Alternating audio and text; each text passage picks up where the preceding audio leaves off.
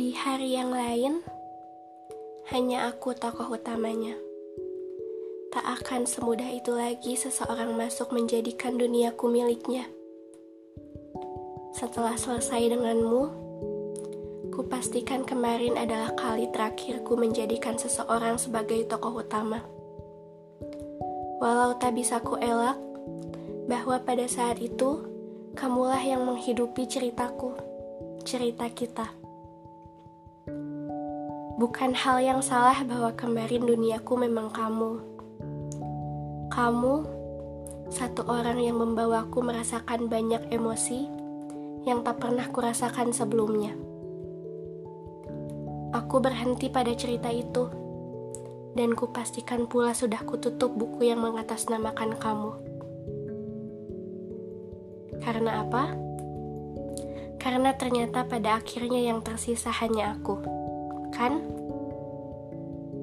Setelah kamu, aku sadar bahwa menjadikan orang lain tokoh utama itu ternyata sebuah kesalahan.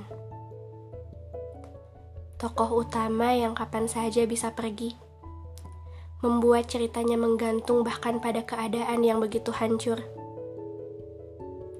Tokoh utama yang berhenti membuat ceritanya selesai, sampai tokoh aku juga ikut selesai tamat.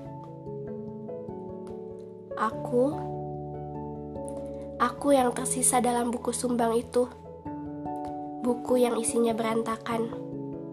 Aku tertinggal jauh di sana, tertatih-tatih membenahi hati yang patah, rindu yang di pasar berakhir, perasaan yang sudah harus disudahi tanpa aba-aba. Karena kamu tokoh utamanya, maka saat kamu hilang tanpa peduli, Akulah yang tersisa dengan kehancuran dalam duniaku yang seharusnya tidak kugantungkan padamu.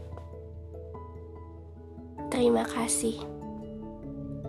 Terima kasih telah memberikan pelajaran bahwa sejak awal seharusnya aku, hanya aku.